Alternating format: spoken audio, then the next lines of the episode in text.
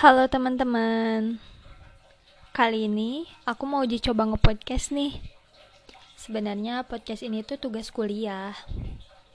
Tapi uji coba aja dulu, siapa tahu keterusannya nge-podcast.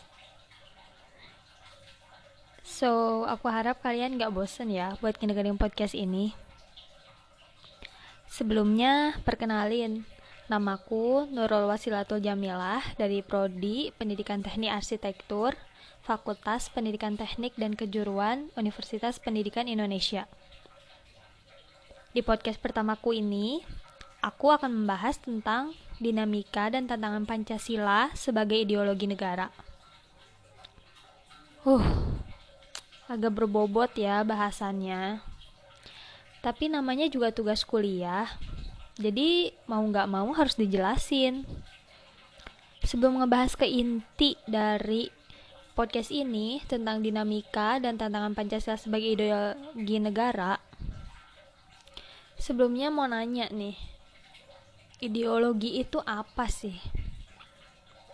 Secara etimologi, ideologi berasal dari bahasa Yunani yang terdiri dari dua kata, yaitu idea dan logos. Idea yang berarti gagasan, cita-cita atau konsep, dan logos yang berarti pemikiran.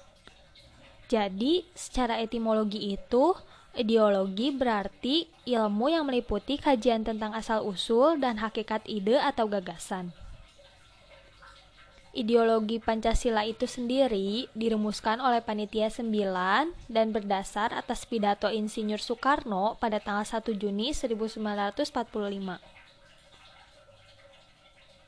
Ideologi Pancasila menjadi sangat penting bagi bangsa Indonesia karena Pancasila memiliki beberapa kedudukan dalam kehidupan berbangsa dan bernegara di Indonesia. Kedudukan itu seperti Pancasila sebagai jiwa bangsa Indonesia, Pancasila sebagai kepribadian bangsa Indonesia, Pancasila sebagai pandangan hidup bangsa Indonesia, Pancasila menjadi dasar negara, Pancasila sebagai sumber dari segala sumber yang ada di Indonesia. Pancasila sebagai perjanjian luhur bangsa Indonesia ketika mendirikan negara, dan Pancasila sebagai cita-cita bangsa.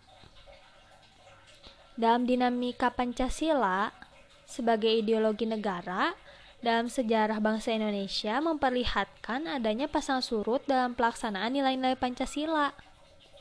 Pancasila sebagai ideologi negara dalam masa pemerintahan Presiden Soekarno mengalami pasang surut ketika dicampuri dengan ideologi komunisme dan konsep nasakom.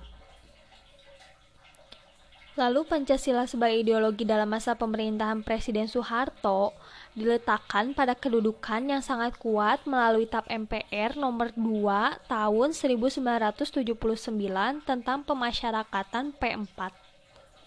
Pada masa Soeharto ini pula, ideologi Pancasila menjadi asas tunggal bagi semua organisasi politik atau ORPOL dan organisasi masyarakat atau ORMAS. Setelah dinamika Pancasila sebagai ideologi negara terjadi, maka muncullah tantangan untuk Pancasila sebagai ideologi negara.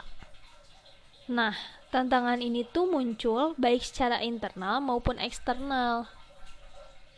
Dari faktor eksternalnya itu apa ya?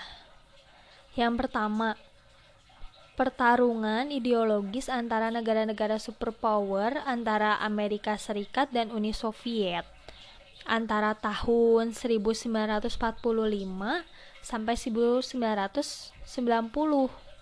yang berakhir dengan bubarnya negara Soviet sehingga Amerika menjadi satu-satunya negara superpower.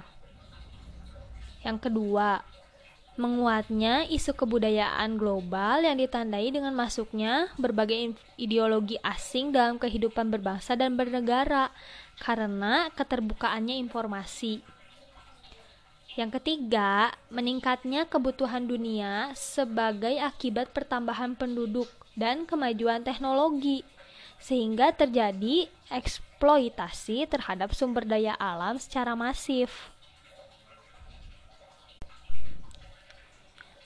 Lalu, ada faktor internya juga nih. Faktor internalnya yang pertama, pergantian rezim yang berkuasa melahirkan kebijakan politik yang berorientasi pada kepentingan kelompok atau partai sehingga ideologi Pancasila sering terabaikan. Yang kedua, karena penyalahgunaan kekuasaan atau korupsi lah ya mengakibatkan rendahnya kepercayaan masyarakat terhadap rezim yang berkuasa sehingga kepercayaan terhadap ideologi pun menurun drastis. Ketidakpercayaan terhadap partai politik atau parpol juga berdampak nih bagi ideologi negara.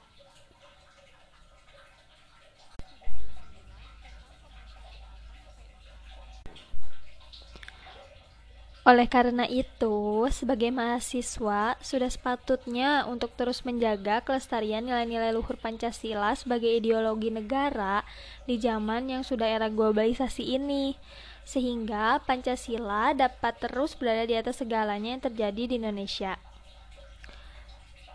Oke, cukup sekian podcast pertamaku ini. Semoga kalian yang mendengarkan podcastku ini bisa menambah wawasan ya.